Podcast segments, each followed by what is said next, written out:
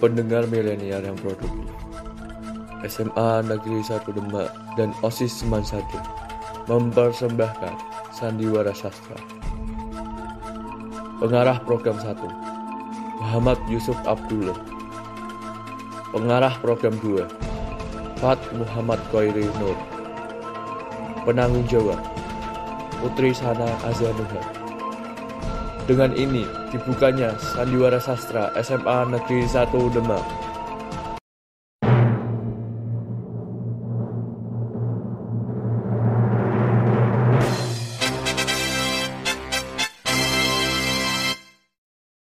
Hai guys. Assalamualaikum warahmatullahi wabarakatuh. Perkenalkan, kami perwakilan dari 1045 akan mempersembahkan seri sastra yang berjudul Cintaku Bersemi di Dani Suara Sebelum itu, kenalin dulu ya tokoh-tokoh dari Dani Suara. Yang pertama, ada Dagna yang berperan sebagai narator dan MC Yang kedua, ada Intan yang berperan sebagai Nisa dan Sulis. Yang ketiga, ada Angel yang berperan sebagai Rere. Yang keempat, ada Naura yang berperan sebagai Putri dan Sualimah Yang kelima, ada Bagus yang berperan sebagai Pak Joko, Indra, dan Juri satu. Yang keenam ada Faris yang berperan sebagai juri 2 dan Pak Agus. Yang ketujuh ada Radit yang berperan sebagai Chandra. Nah, kalian kan udah tahu tokoh-tokohnya. Selamat menikmati sandi suara dari kami. Pagi hari yang cerah, burung bernyanyi dengan merdu. Angin berhembus memberi salam. Cahaya matahari pun tersenyum dengan riang.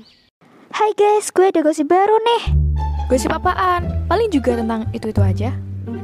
Iya nih, paling juga nggak penting. Beneran nih, pada nggak mau tahu gosipnya. Iya, kayaknya nggak perlu deh. Ya udah, padahal tadinya tuh gue mau kasih tahu tentang pada sekolah kita, tapi kalian malah berdua tentang itu. It's okay. Eh, eh, lo bilang apa tadi? Padus. Ayo dong cerita, lo kan baik hati dan tidak sombong. Tadi katanya nggak mau denger, huh dasar labil. Eh, eh, ada apa nih? Gue kok nggak dikasih tahu? Gue kan juga pengen tahu juga. Ya tuh Nisa kagak mau kasih tahu. Lalu, pada saat itu juga Nisa menceritakan padus tahunan di sekolahnya. Tapi, sebelum membuka mulutnya, tiba-tiba bel berbunyi. Saat di dalam kelas. Dalam hati, Rere menggerutu dan mengucapkan, Aduh, gue ngebet banget pengen tahu cerita itu. Lalu, Rere pun mencolek Putri dan berbisik. Gue pengen tahu tadi lo ngomong apaan bersama Nisa. Gue kepo banget nih. Diam dulu. Apaan sih? Kalian berisik banget. Kalian berdua. Nggak butuh pelajaran saya ya nggak apa-apa. Silahkan keluar. Daripada kalian berisik, kasihan teman-teman kalian yang serius memperhatikan pelajaran saya. Sekarang saya hukum kalian berdiri di luar kelas sampai bel pulang sekolah. Kemudian, Nisa, Rere, dan Putri keluar dari kelas untuk menjalankan hukuman dari Pak Joko. Ini gara-gara kalian, kita dihukum di luar kelas. Gara-gara kamu juga sih, Nis. Lah kok jadi gara-gara gue sih? Kan tadi lo pada nggak mau tahu. Ya mau tahu lah, masa ada info nggak bagi-bagi sih? Ya udah nih gue kasih tahu. Kemudian, Nisa pun bercerita tentang perlombaan padus yang akan diselenggarakan beberapa bulan lagi. Jadi inti dari padus tahunan ini tuh sebagai bentuk apresiasi siswa dan siswi SMA agar tidak lupa dengan kebudayaan sendiri. Ya kalau bukan kita yang notabene sebagai generasi penerus bangsa ini, lantas siapa yang akan melestarikannya? Dan ada kabar gembira juga nih. Tahu nggak sih kawan kita itu keren, berbakat dan ganteng-ganteng tahu. Wah, kesempatan dapat doi nih. Nisa kemudian membatin. Pokoknya gue harus lebih dulu dapetin doi yang ganteng daripada Rere. Ya kali seorang Nisa kalah dari Rere. Ya malah. Bel pulang sekolah pun berbunyi.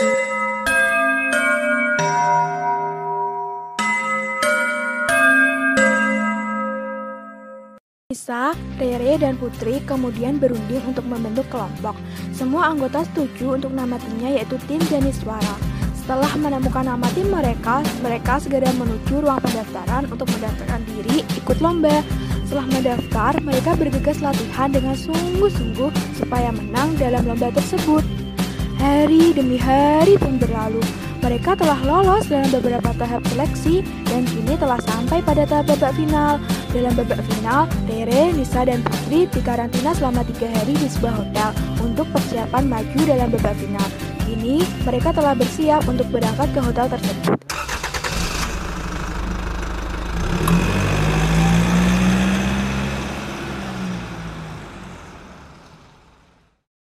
Sesampainya di hotel, Putri dan kedua temannya bertanya kepada panitia, di mana kamar mereka? Setelah mengetahui di mana kamar mereka, akhirnya Nisa, Putri, dan Dere bergegas menuju kamar. Sesampainya di kamar, Guys, sekarang kita bersihin diri terus istirahat ya. Iya Put, tapi beneran deh, gue mau nonton TV dulu, hehe. Jenuh soalnya nih. Nis, ikut nonton TV dong. Hayo Re, sini-sini. Hmm, yaudah deh, gue mandi dulu, abis itu istirahat duluan. Kalian nonton TV ya jangan sampai kemalaman ya, biar besok nggak kesingan baunya. Siap bos. malam semakin larut. Rere dan Nisa masih saja menonton TV hingga akhirnya mereka ketiduran dengan TV yang masih menyala. Malam itu, bulan mengintip di balik awan bersama dedaunan yang ikut menari, mengikuti alunan musik yang terpancar dari TV yang masih menyala. Jam terus berputar hingga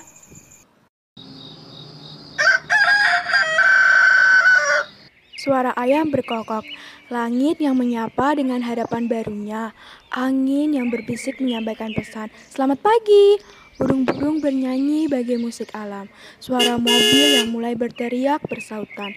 Pohon-pohon di tepi jalan ikut melambai, menyampaikan semangat dan sinar matahari menembus jendela kamar hotel, membuat mataku silau. Akhirnya Putri pun terbangun. Nisa, Rere, bangun kita kesiangan nih. Jam berapa nih? Udah jam 6 pagi, jam setengah 7 kita udah harus ke ruang makan buat breakfast. Waduh, ya udah Put, lo mandi dulu ke, biar gue bangunin Rara dulu. Putri lalu bergegas mandi dan Nisa berusaha membangunkan Rere yang dari tadi masih tertidur pulas. Re, bangun Re, jangan tidur mulu. Rere masih saja tak menggubris Nisa yang berusaha membangunkannya sehingga Putri selesai mandi. Nis, gimana? Udah bangun si Rere? Ya belum sih, ini anak susah banget dari tadi dibanguninnya. Ya udah deh Put, gue mandi dulu aja. Itu si Rara coba lo aja yang bangunin.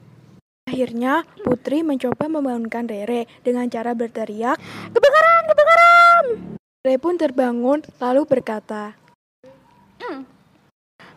Mana kebakaran mana? Putri tertawa puas dan menyuruh Rere cepat-cepat mengambil handuk sembari menunggu giliran ia mandi. Setelah selesai mandi dan berganti pakaian, mereka pun bergegas menuju ruang makan untuk melaksanakan breakfast bersama finalis lomba yang lain. Nisa, Putri, dan Rere berlari agar tidak telat. Tetapi Rere ngos-ngosan dan tiba-tiba Aduh, ternyata Rere menabrak seorang laki-laki. sorry, gue nggak sengaja. Kemudian melihat wajah laki-laki itu dan membatin, Nih orang cakep bener dah, kayaknya juga dia finalis di sini. laki-laki itu pun kemudian berkata, Oh, nggak apa-apa kok. Lain kali hati-hati ya. Iya, eh bentar, boleh kenalan apa enggak? Kemudian laki-laki itu pun menjawab. Boleh kok, kenalin. Nama gue Chandra. Nama lo? Rere melongo dan ia salah tingkah, lalu berkata, Oh, gue Rere. Eh, salam kenal ya.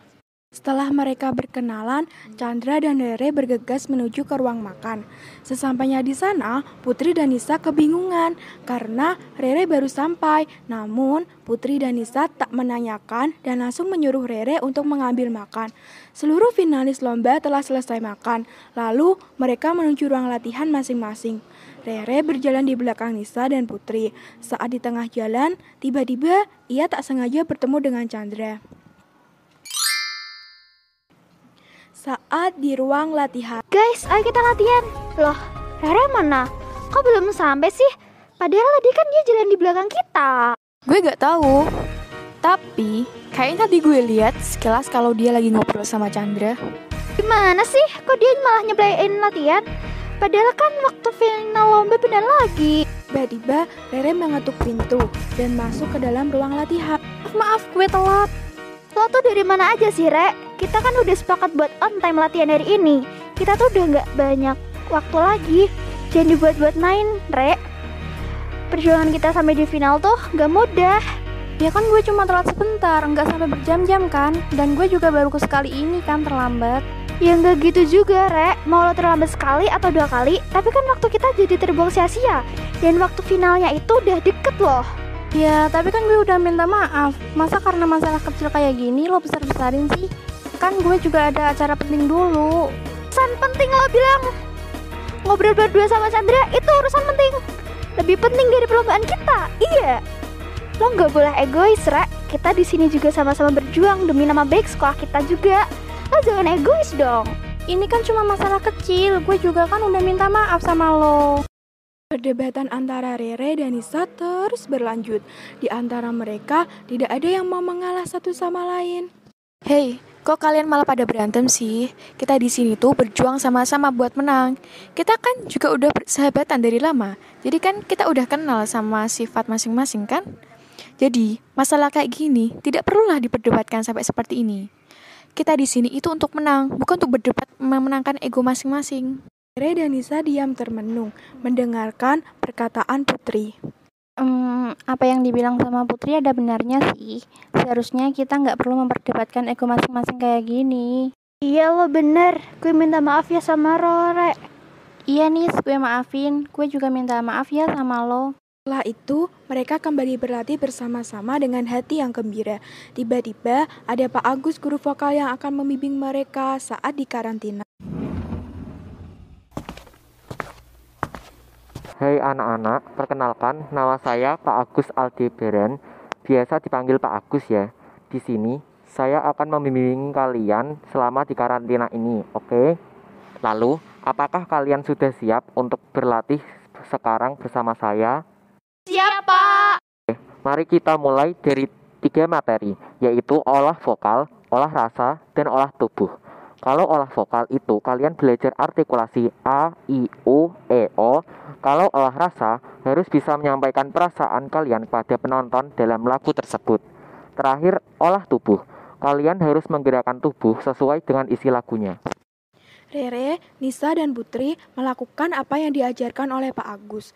Dua jam berlalu dan waktu latihan sudah selesai. Latihan hari ini selesai. Terima kasih atas keaktifan kalian. Kita bertemu besok lagi ya, ya anak-anak. See you. Ra, Nisa, dan Putri pun menjawab. Oke Pak, terima kasih kembali. Setelah mereka latihan paduan suara, mereka akan kembali ke kamar masing-masing. Tetapi, Rere izin ke kamar mandi. Ketika Rere akan kembali ke kamar, ada seseorang yang tiba-tiba menarik tangannya. Hei, apakah ini punya kamu? Kata Chandra menunjuk gelang yang ada di tangannya. Oh iya, ini seperti milikku. Di mana kamu menemukannya? Jawab Rere sambil menunjuk gelang di tangan Chandra. Oh, aku tadi menemukannya di depan kamar mandi. Jawab San- Chandra sambil tersenyum. Wah, terima kasih sekali. Gelang ini sangat berarti bagiku. Jawab Rere dengan wajah yang tersenyum dengan lebar. Oke, tapi tolong berhenti tersenyum. Itu membuatku risih. Lalu Chandra memberikan gelang itu dan dalam hati ia berkata, I like Terima kasih banyak. Rere berbalik untuk kembali ke kamar, tetapi eh tunggu. Rere pun menoleh ke belakang. Kenapa? Apa ada yang aku jatuhkan lagi? Dalam hati, Chandra berkata, Iya, hati kamu. Tidak, tapi masa kamu udah aku tolong mau cabut gitu aja sih? Terus kamu mau apa? Kan aku udah bilang makasih sama kamu. Eh, aku cuma mau tahu nomor telepon kamu. Boleh apa enggak nih? Itu nomor telepon aku 0812 2521 7881. Jangan lupa di save ya. Dah ya, aku harus pergi. Aku ingin istirahat. Istirahat yang nyanyi ya. Nanti kalau aku jadi bales ya cantik. Chandra sedikit berteriak kepada Rere. Chandra masih senyum-senyum sendiri melihat kepergian Rere. Caiku ayu kan? Mah datang tiba-tiba membuat Chandra kaget dengan kedatangan Solimah. Ruwo, lo ngebuat gue kaget aja mah. Jangan sampai lo suka sama Rere ya. Loh, bisa tahu sih? Ya tau lah, siapa sih yang nggak kenal sama Rere? Kan dia cantik. Gitu, mungkin gue yang kudet kali. Tapi lo gak boleh suka sama Rere, apalagi sampai jadian. Kenapa kok gitu? Gak apa-apa sih, coba aja kamu tanya sama Sulis. Tiba Sulis datang. Weh weh, ono apa iki? Kok jenengku disebut-sebut? Harap apa kok? Balas Chandra sambil menyengir.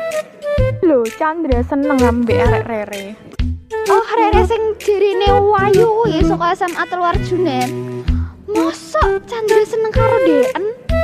Ora lah, ketemu wae lagi mau. Dalam hati, Sulis pun berkata, Ya Allah, sebenarnya kok lak Deen. Oh, ngono. Tapi weh aja sampe jadian ya karo wonge. Kota ra oleh. dalam hati, Sulis berkata, Duh, perkara aku tresno karo kowe lah. Soalnya kan dewe kudu fokus sambil lombe. Yo, aku yo mau nek kalah to ya. Setelah itu, Sulis pergi meninggalkan Solimah dan Chandra. Tiba-tiba, Indra datang. Pak toh ada apa? Ini loh, Chandra suka sama Rere. Tapi, menurut gue, kayaknya sih si Sulis juga suka sama si Chandra. Tuh kalau menurut gue sih mending lo jadian sama Sulis aja daripada sama Rere. Kan cantikan Sulis daripada Rere. Iya tuh, bener apa kata Indra. Lagian, lo juga kan baru aja kenal sama Rere. Betul, ya kali lo mau jadian sama lawan paduan suara kita sih. Bisa aja nantinya lo cuma dimanfaatin tuh. Udah lah gue pusing.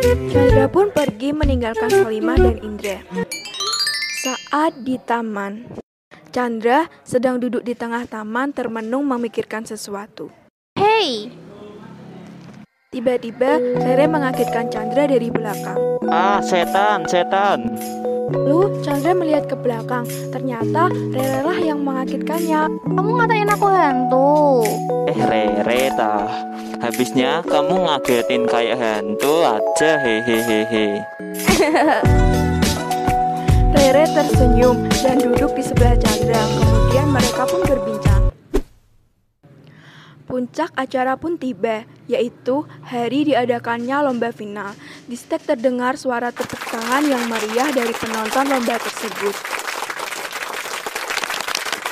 Selanjutnya, peserta dengan nomor urut 09 dipersilahkan, yaitu tim Revolver. Mana tepuk tangannya penonton?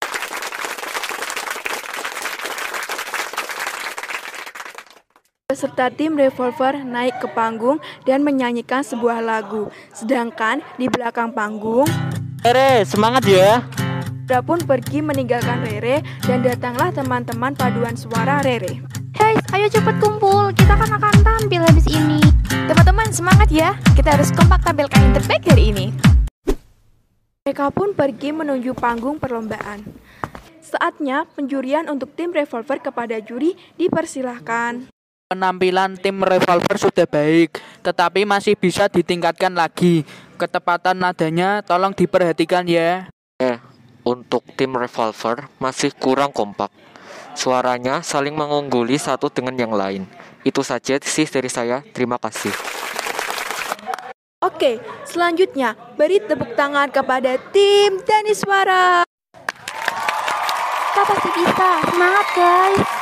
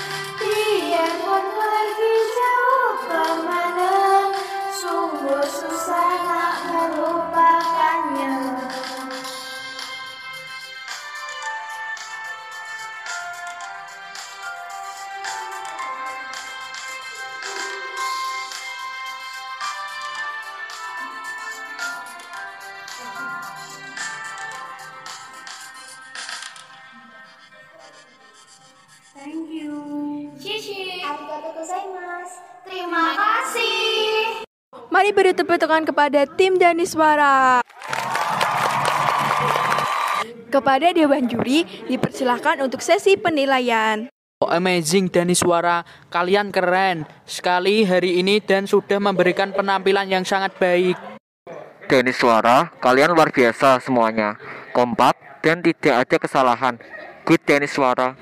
Oh, mari beri tepuk tangan kepada tim Dani Suara. Baik, karena semua peserta sudah tampil, sekarang saatnya semua juri akan diskusi untuk menentukan siapa yang akan menjadi pemenang.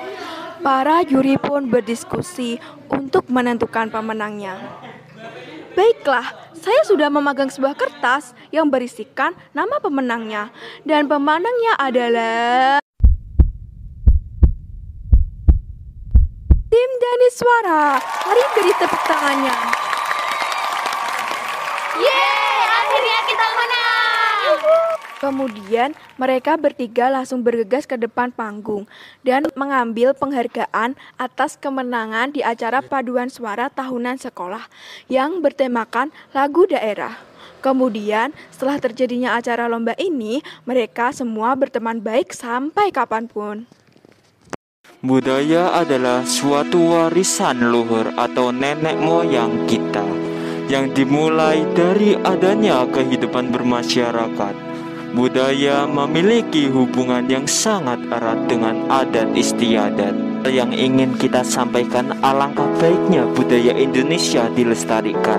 Salah satunya dengan menunjukkan salah satu atau beberapa lagu daerah untuk mengenalkan kita kepada warga asing bahwa kita itu negara Indonesia yang banyak memiliki budaya. Teruntuk pendengar setia kami, kami ucapkan terima kasih telah mendengarkan sandiwara sastra dari kami. Kurang lebihnya, mohon maaf. Beli Taufik wal Hidayah. Wassalamualaikum warahmatullahi wabarakatuh.